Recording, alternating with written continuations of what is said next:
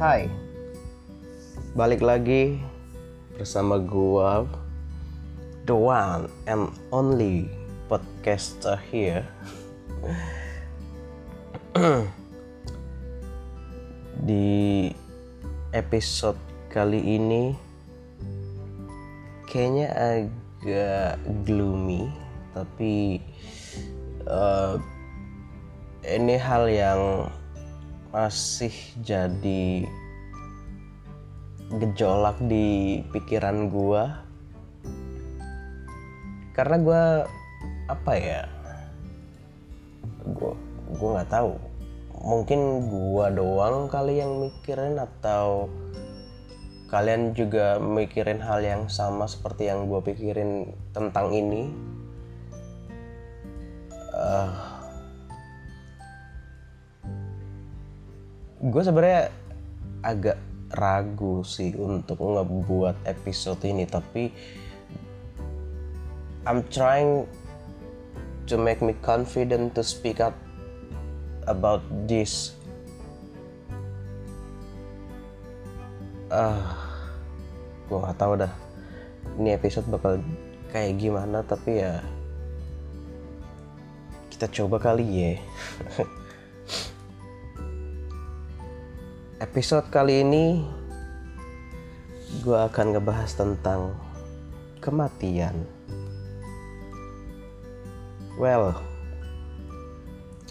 selama kita hidup pasti kita pernah lah uh, nerima teori surga dan neraka, di mana ketika kita mati nanti kita akan diperhadapkan oleh dua pilihan. Uh, bukan kita yang milih, tapi ini hak prerogatifnya Tuhan uh, dalam melihat track record kita selama hidup di dunia. Kalau track record kita lebih banyak dosa, kita masuk neraka, kematian abadi, atau kalau kita selama ngejalanin hidup ini banyak pahala kita akan dikasih reward untuk masuk surga kehidupan yang kekal di mana uh, dari doktrin-doktrin yang selalu gue temuin surga itu tempatnya enak surga itu nggak ada siksaan nggak ada beban. Pokoknya idaman para manusia untuk tinggal di surga tapi di neraka menjadi tempat yang selalu dihindari karena cuma ada siksaan, siksaan, dan siksaan. Ah, apa ya? Gue masih inget sama lagunya Dewa, eh, eh apa Madani sama Krisya sih. Jika surga dan neraka tak pernah ada, emang lu masih mau menyembah Tuhan? Lu jangan sampai lu menyembah Tuhan cuma gara-gara pengen ngedapetin reward surga untuk menghindari neraka. Karena apa ya sebenarnya itu lagu keren banget sih filosofis banget. Gue ketika denger lagu itu gue langsung mikir nih kenapa mereka punya pikiran untuk membuat lagu seperti ini ya apakah ada kekacauan dari segi moral di Indonesia ini atau gimana? Gue nggak tahu tapi pas gue renungin liriknya itu ih gila dalam banget. Ah perihal kematian gue pelajarin dari segi filsafat. Dan ya ini make sense sih. Karena gini uh, kematian tuh peristiwa biologis lagi. Hal yang lumrah hal yang ya wajar aja. Karena bagian tubuh kita part part of our body ini kan semuanya terdiri dari atom. Atom-atom yang saling bertemu ngebangun senyawa molekul terus akhirnya ngebangun ngebentuk uh, partikel-partikel apa yang akhirnya ngebentuk jadi bagian tubuh kita ini. Kayak kulit terus bagian di dalamnya kayak darah tulang semuanya kan dari atom. Dan ketika kita mati nanti ya secara biologis uh, atom-atom ini akan memuai akan ngebentuk senyawa molekul partikel-partikel yang baru lagi di dalam di dalam tanah itu. Makanya uh, ada jenazah yang ketika dikuburin berapa tahun atau berapa bulan kemudian deh kondisinya udah tengkorak doang. Ya karena uh, bagian dari atau kita ini bagian dari atom. Jadi semua yang ada di dalam tubuh kita nih semuanya akan uh, atom-atomnya akan terpisahkan dan ngebentuk senyawa yang baru, partikel yang baru. Kayak gitu. Karena kalau misalnya kita coba deh perhatiin deh. Kuburan itu tempat yang mistis bukan? I don't know kuburan tuh jadi tempat yang mistis atau enggak tapi logically manusia yang hidup dari zaman Adam dari zaman ini yang kita percaya Adam adalah manusia pertama kan? Anggaplah uh, Adam adalah manusia pertama yang hidup di bumi dari zaman Adam sampai ke zaman Nabi Nuh manusia kan sudah banyak. Udah gitu dimusnahkanlah manusia itu melalui air bah. Nah dari zaman Nabi Nuh ini sampai saat ini kan belum ada pemusnahan massal seperti yang terjadi di zamannya Nabi Nuh. E, bisa dibayangin dari setelah zaman Nabi Nuh manusia mulai berkembang biak lagi mulai banyak lagi mengisi bumi ini dan uh, udah berapa manusia yang lahir dan udah berapa manusia yang meninggal. Itu tuh nggak nggak bisa dihitung lagi loh. Itu udah jadi rahasia Tuhan. Dan uh, bisa lu bayangin kalau misalnya ada sekarang ini ada 7 miliar penduduk manusia. Ini kalau misalnya kita secara logika usia manusia itu da uh, usia hidup range hidup manusia itu ada di kisaran 60 sampai 70 tahun. Selebihnya adalah uh, bonus. Ada yang sampai 100 tahun bahkan ada yang lebih itu bonus sekarang nih 2021 nih ada 7 miliar penduduk manusia. Ini misalnya kita pangkas deh jadi tahun 1900 ini penduduk di bumi ini ada berapa nih? Kalau misalnya sekarang aja 7 miliar anggaplah dari 1900 orang dari tahun 1900 orang yang lahir ya kan sampai sekarang ngebentuk populasi 7 miliar. Berarti kan dari tahun 1900 menu, e, ke belakang lagi ke tahun 1700 anggaplah 200 tahun itu selama dua, rentan 200 tahun itu tuh ada berapa miliar manusia tuh dan bisa lu bayangin manusia yang sudah miliaran aja dalam kurun waktu ratusan tahun ini dari tahun 1700 sampai 2021 ini udah miliaran ini uh, semisal dikasih privilege dua kali satu. Ukuran kuburannya. Bahkan ada loh yang ukuran kuburannya udah kayak rumah pribadi. Yang gede ukurannya. Tapi let's say dua kali satu ukuran kuburan. Ini kalau misalnya dibanding di di di uh, kita hitung nih secara logika nih. Ini sebenarnya manusia yang meninggal nih udah bisa ngecover satu bumi loh. Luas satu bumi ini udah udah isinya tanah.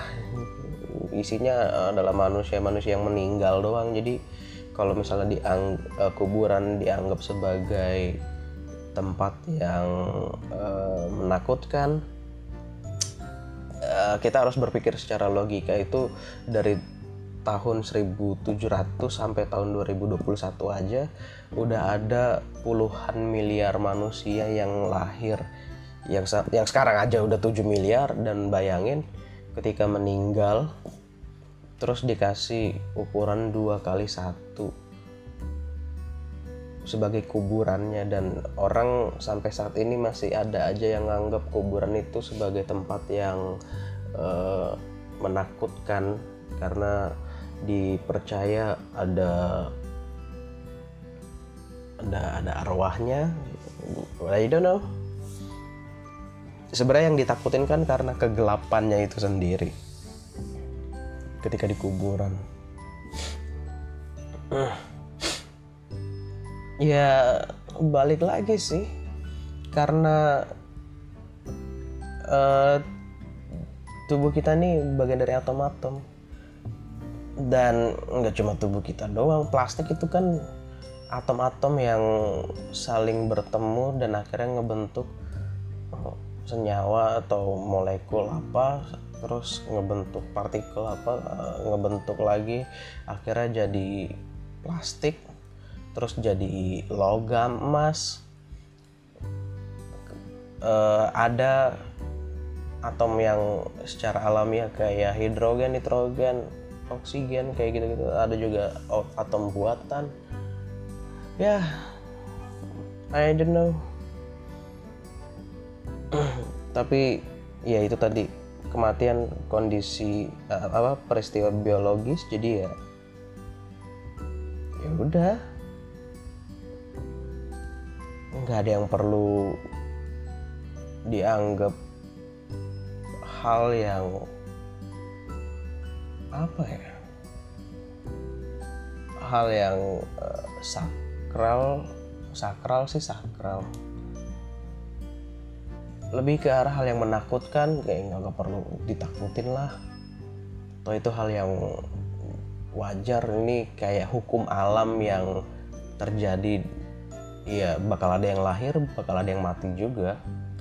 Dan buat orang yang mati ya nggak usah terlalu takut dan orang yang lahir juga nggak usah terlalu takut hidup seperti apa I don't know ini omongan udah mulai ngelantur. Well tapi ada orang yang berpandangan bahwa kematian tuh waktu berhentinya pencapaian kita waktu di mana uh, ketika kita hidup hidup ini kan kita mencari makna hidup. Dan ada tujuan-tujuan yang menggambarkan makna hidup kita itu sendiri. Makanya setiap akhir tahun kayaknya banyak orang yang make a wish uh, ngebuat resolusi di tahun baru nanti pengen mendapat apa pengen ngeraih pencapaian apa dan dari pencapa apa tujuan-tujuan itu dari pencapaian-pencapaian yang bisa diraih itu uh, menjadi gambaran makna hidup yang mereka jalani tapi ya seperti itu. Gue sendiri sih apa ya jarang banget gue punya resolusi bahkan hampir setiap tahun kayaknya ya udah ngapain sih mikirin resolusi resolusi segala. Gue cuma pengen jalanin hidup gue dan emang emang sih banyak orang yang nganggap kayak anjing hidup lu nggak ada tujuan banget ah, hidup lu nggak ada uh, arahnya. Eh, eh mau gimana ya? This is me. Uh,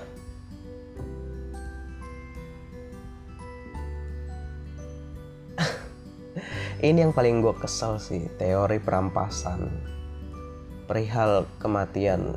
Mati itu adalah teori perampasan di mana uh, banyak orang yang percaya kalau mati itu adalah teori perampasan di mana ada tujuan-tujuan yang sebenarnya pengen diraih dan uh, takut tujuan-tujuan yang mau diraih ini nggak kesampaian. Makanya uh, banyak orang yang nggak mau mati. Bahkan mati pun dianggap sebagai hal yang tabu untuk untuk dibicarakan. Uh, sedikit banget bahkan banget banget banget sedikit. Ada orang yang pengen mati gitu. Pengen mati dalam artian bukan karena dia punya masalah ya. Kan kalau orang pengen mati biasanya ada masalah kayak di Jepang bunuh diri karena ada masalah di kantor. Eh, kredibilitas sebagai pekerja menurun akhirnya ya udahlah memutuskan untuk bunuh diri tapi ini tuh pengen mati dalam artian ya hak untuk hidup eh, eh, hak untuk mati ini ya sama tingginya hak untuk hidup. Karena lu mau bunuh diri iya itu kan hak lu. Dan perihal uh, lu melanggar apa? Takdir yang sudah digariskan oleh Tuhan ya itu hak lu juga. Lu bakal masuk neraka karena lu dosa lu bunuh diri. Ya gue nggak tahu. Balik lagi kalau surga dan neraka itu nggak pernah ada lu yakin masih mau uh, menyembah Tuhan? Lu masih mau mempercayai ajaran ajaran yang diajarin Tuhan melalui agama? Well balik lagi. Uh, kematian nih adalah teori perampasan di mana uh, lu tuh pengen mencapai suatu hal gitu. Bahkan uh, tahun 2012 gue masih inget banget banyak orang yang dikagetin perihal kiamat di 2012 di tanggal 21 bulan 12 tahun 2012 tepat di hari Jumat gue masih inget banget. Uh, banyak orang yang berpikiran gue nggak mau kiamat dan gue belum apa gue nggak mau kiamat jangan kiamat dulu ke. Gue belum nikah soalnya gue belum punya anak. Uh, argumen-argumen nyeleneh kayak gini argumen-argumen yang apa ya? Uh, karena gini. Jangan uh, kiamat dulu kayak gue belum punya anak gue belum nikah gitu. Emang lu pikir anak lu juga nggak bakalan ngomong hal yang sama kayak lu Hah? logika aja lah anak lu kalau misalnya bilang jangan kiamat dulu kayak gue belum menikah nih gue belum punya anak. Terus anak lu nih punya anak nih. Cucu lu nih anaknya anak lu ngomong hal yang sama juga. Nah terus nih kiamat kapan anjing? Ini tuh endless cycle cycle gitu endless cycle. Ya muter terus aja. Nggak ada berhentinya. Ya I don't know. Itu apa gila sih temen gue nggak cuma temen gue doang sih banyak banget yang berpikiran seperti itu. Di tahun 2011 2010 perihal kiamat. Dan ketika 2012 selesai 2021 eh, malah sekarang. Nggak ada tuh kiamat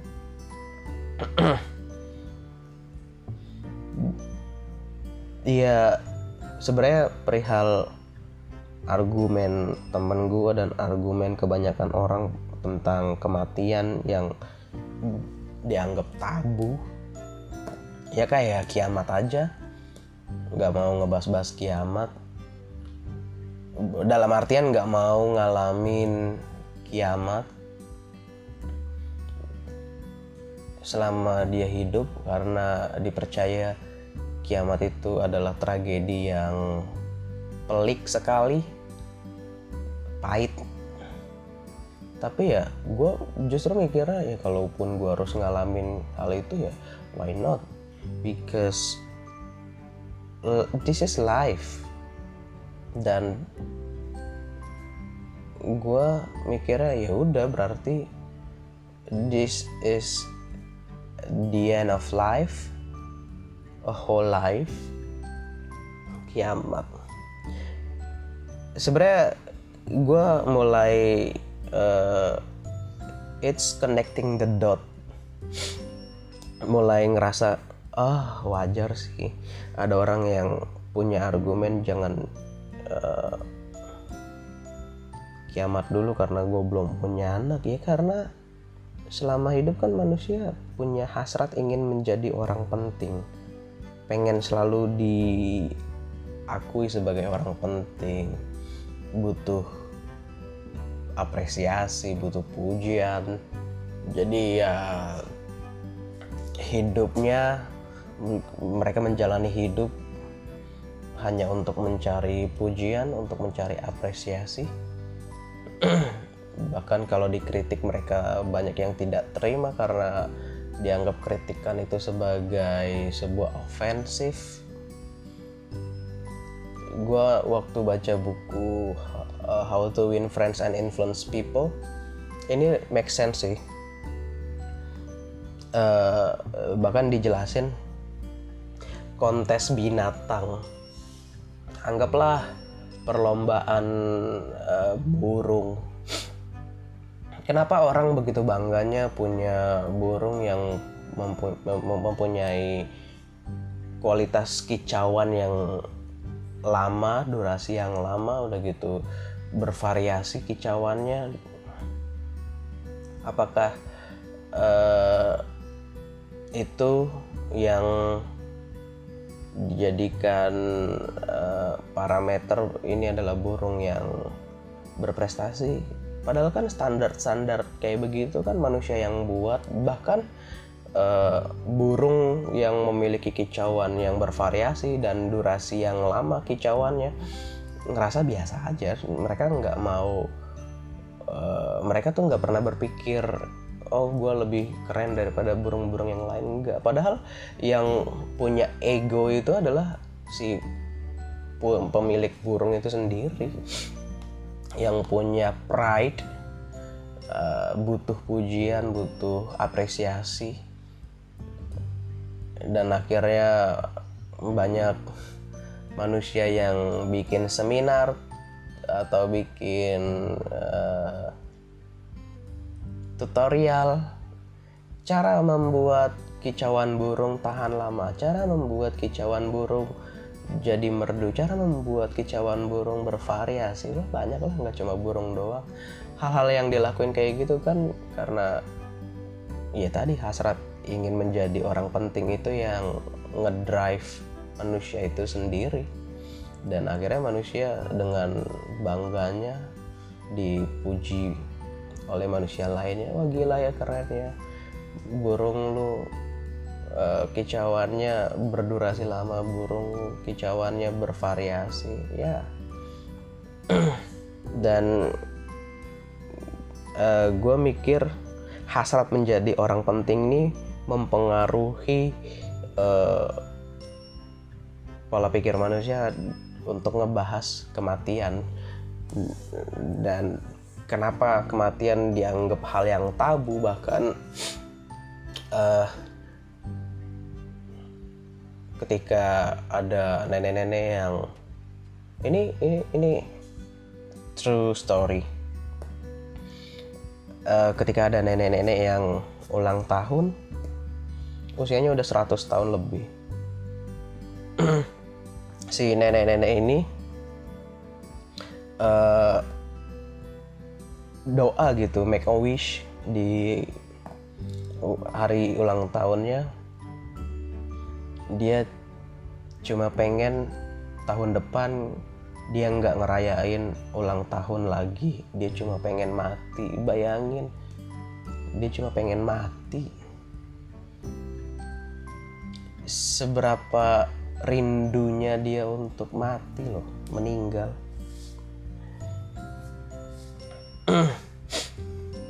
Berarti kan hasrat untuk menjadi orang penting dari si nenek ini udah nggak ada. Ya apalagi sih yang harus dipertahanin untuk dianggap sebagai orang penting dari manusia di sekitar. Ya udah nggak ada jadi ya ya udahlah mendingan gue mati aja. Ya nggak ada harapan lagi yang mau diraih selama hidup. Makanya ya udahlah si nenek make a wish untuk mati. Gak tahu sih sekarang sudah meninggal atau belum si nenek tersebut. Tapi ya itu sih. Hasrat menjadi orang penting nih drive manusia untuk ya udahlah gak usah mikirin kematian dulu lah. Uh, bahkan ada yang ngebahas tentang kematian malah dianggap nggak sopan. Lu apa banget sih? Ngebahas kematian. Ya gitu. Kayak tetangga gua. Ada tetangga gua yang punya penyakit ginjal stadium akhir. Dan lu tahu sendiri ginjal ini penanganannya ini penanganan supaya bisa bertahan hidup ya bukan penyembuhan dari penyakit ginjal. Penanganannya ini harus cuci darah. Bayangin cuci darah itu butuh biaya yang nggak sedikit. Tetangga gua ngontrak harus cuci darah beberapa aset di rumahnya dijualin supaya tetangga gue ini bisa survive dan akhirnya udah nggak ada hal yang bisa dijual. Tinggal di kontrakan ya udah dirawat di kontrakan aja. Dan gue kaget sekaget kagetnya ketika gue jenguk jenguk beliau wah itu kondisinya udah tulang ketemu kulit doang. Udah nggak ada daging lagi di tubuh beliau ini itu gue lu bayangin gue kayak lagi ketemu tengkorak yang dilapisin kulit. Itu perutnya udah nggak ada. I mean bukan perutnya nggak ada tapi perutnya nih udah nggak nggak nggak buncit nggak apa udah udah pokoknya udah udah parah banget kondisinya dan banyak tetangga gue yang mikir ini berapa lama lagi ya kematian beliau? Banyak tetangga gue yang mikir kayak gitu. Nih orang ini kayaknya bakal meninggal dalam waktu dekat. Itu kejadian kalau nggak salah 2013 2013 you know what?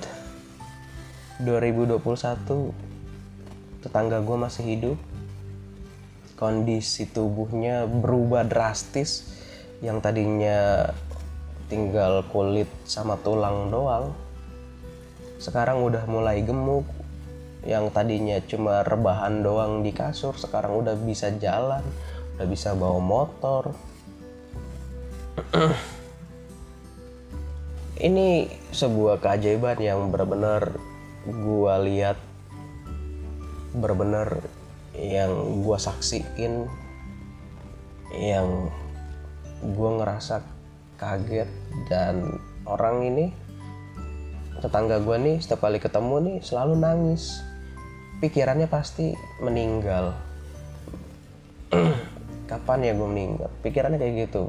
Setiap kali ketemu orang nih minta maaf. Maafin ya kesalahan-kesalahan gua berarti kan ini indikasinya nih tetangga gua bakal meninggal di tahun 2013 pada saat itu tuh. Eh ternyata malah sampai 2021 masih hidup. Bahkan kondisinya udah berubah malah jadi lebih baik. Nah uh, hal-hal yang kayak begini nih yang ngebuat gue kayak iya. Bagus. Beliau masih punya semangat untuk hidup. Berarti ada harapan yang lagi beliau perjuangin dan gue pada saat itu nggak mikirin apa-apa. Hal yang gue ingat gue bukan ini, ini bukan hasrat gue untuk menjadi orang penting yang mau gue utarakan tapi I don't know this is this is this was happening. Jadi tetangga gua itu udah parah banget penyakitnya kan penyakit ginjal stadium akhir. Uh, beliau nih ketika gua jenguk beliau cuma bilang pengen kursi roda tapi istrinya nggak mau beliin istrinya nggak perhatian beliau bilang kayak gitu. Ya menurut gua ya nggak apa-apa. Wajar aja. Tetangga gue ngomong kayak gitu karena ya siapa lagi yang bisa jadi harapannya tetangga gue ini untuk minta gitu.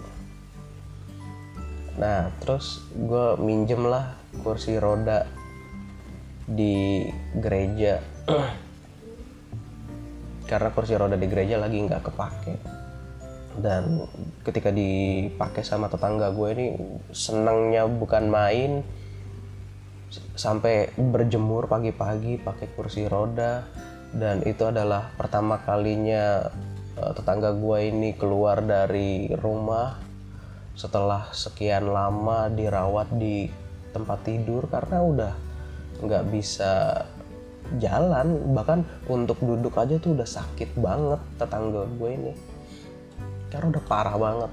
Dan akhirnya kondisi setelah menggunakan kursi roda kondisi tetangga gue mulai baik mulai uh, pulih kondisi tubuhnya. Ya gue bersyukur sih karena ada mujizat yang Tuhan tunjukin yang gue saksiin secara mata kepala gue sendiri. Dan ya lu bayangin orang tersebut tetangga gue ini betapa kalutnya pikiran dia antara hidup dan mati dan dia pasti mikirnya ini usia gue udah nggak lama 2013 loh itu kejadian. 2021 masih hidup.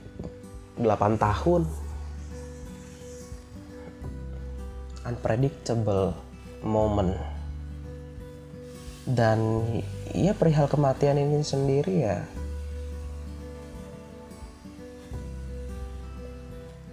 Hmm, gini sih.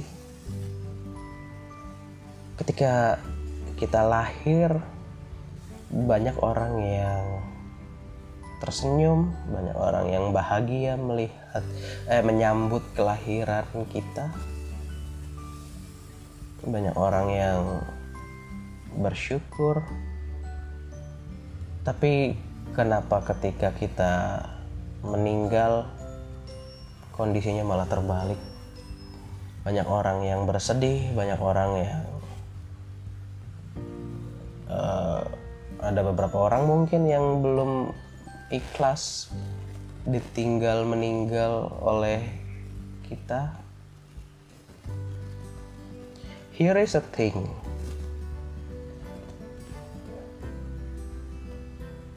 Gue ya balik lagi sih tadi.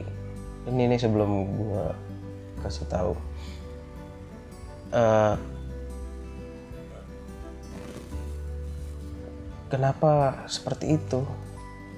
Manusia tuh ketika ada yang lahir disambut dengan bahagia tapi kenapa ada yang meninggal? Malah ditangisin. Uh, tahu hal yang ngebuat itu kan karena kita punya hubungan secara emosional yang ngerasa hilang kan sosoknya. Sosok orang yang disayang sosok orang yang punya emosi yang sama. Tapi ya ketika orang tersebut meninggal ya itu kan hal yang wajar. Karena balik lagi ini tuh hukum alam akan ada orang yang lahir dan akan ada orang yang mati. Jadi nggak mungkin uh, lahir aja tapi tidak mati-mati. Sulit sekali. Gue bukan bilang ini hal yang nggak mungkin ya tapi sulit sekali. Dan kenapa ketika ada orang yang mati selalu jadi tangisan kenapa nggak diucapkan terima kasih sudah punya jasa selama hidup? Dan sekarang waktunya lu hidup di dunia ini udah selesai lu bisa menikmati hidup lu di dimensi yang lain kenapa enggak uh, diberi di, di, di berlakukan seperti itu? I don't know this is what happenings. This is what's happening today. Tapi ini sih yang jadi gejolak di pikiran gue bokap gue kalau misalnya meninggal gue nggak mau tangisin meninggalnya bokap gue bukan karena gue durhaka atau I don't have any emotional experience with my father banyak banget bokap gue yang ngedidik gue untuk kerja keras bokap gue yang ngedidik gue untuk punya fighting spirit bokap gue juga yang ngajarin gue tentang keharmonisan dalam berhubungan. Dan gue sih mikirnya kalau bokap gue meninggal suatu saat nanti kalau misalnya bokap gue duluan yang meninggal gue akan berterima kasih ke Tuhan. Ini saatnya gue ngejalanin hidup gue tanpa ada guidance dari bokap gue dan ya apa yang udah jadi nasihat beliau ya harus gue terapin. Gue mikir seperti itu bahkan uh, eh, gue nggak tahu karena ini belum kejadian ketika bokap meninggal gue cuma pengen tersenyum terima kasih. Itu sih yang jadi gejolak yang berkecambuk di pikiran gue uh, dan podcast ini gue dokumentasiin supaya ketika suatu saat nanti gue dengerin lagi dan apakah kondisinya sudah berubah seperti hari ini? I don't know. Ya ini pembahasan yang terlalu sensitif sepertinya. Tapi ya begitu karena gue ngelihat temen gue uh, nyokapnya temen gue meninggal temen gue selalu sedih. Padahal meninggalnya udah setahun yang lalu tapi sampai sekarang masih. Kepikiran nyokapnya masih uh, berharap nyokapnya tuh ada gitu. Sampai kinerjanya temen gue ini di kantor drop alasannya karena Iya, membutuhkan sosok ibu yang sudah meninggal dan no make sense menurut gua.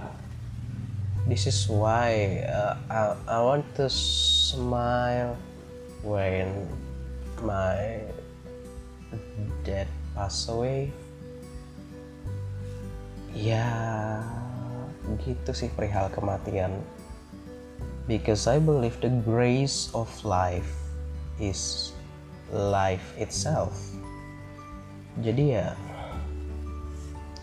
apalagi yang mau disyukurin selain bersyukur karena kita bisa hidup dan ketika meninggal, ya bersyukur kita pernah dikasih kehidupan, kita pernah pernah dikasih hidup untuk hidup di dunia ini. Ya gitu well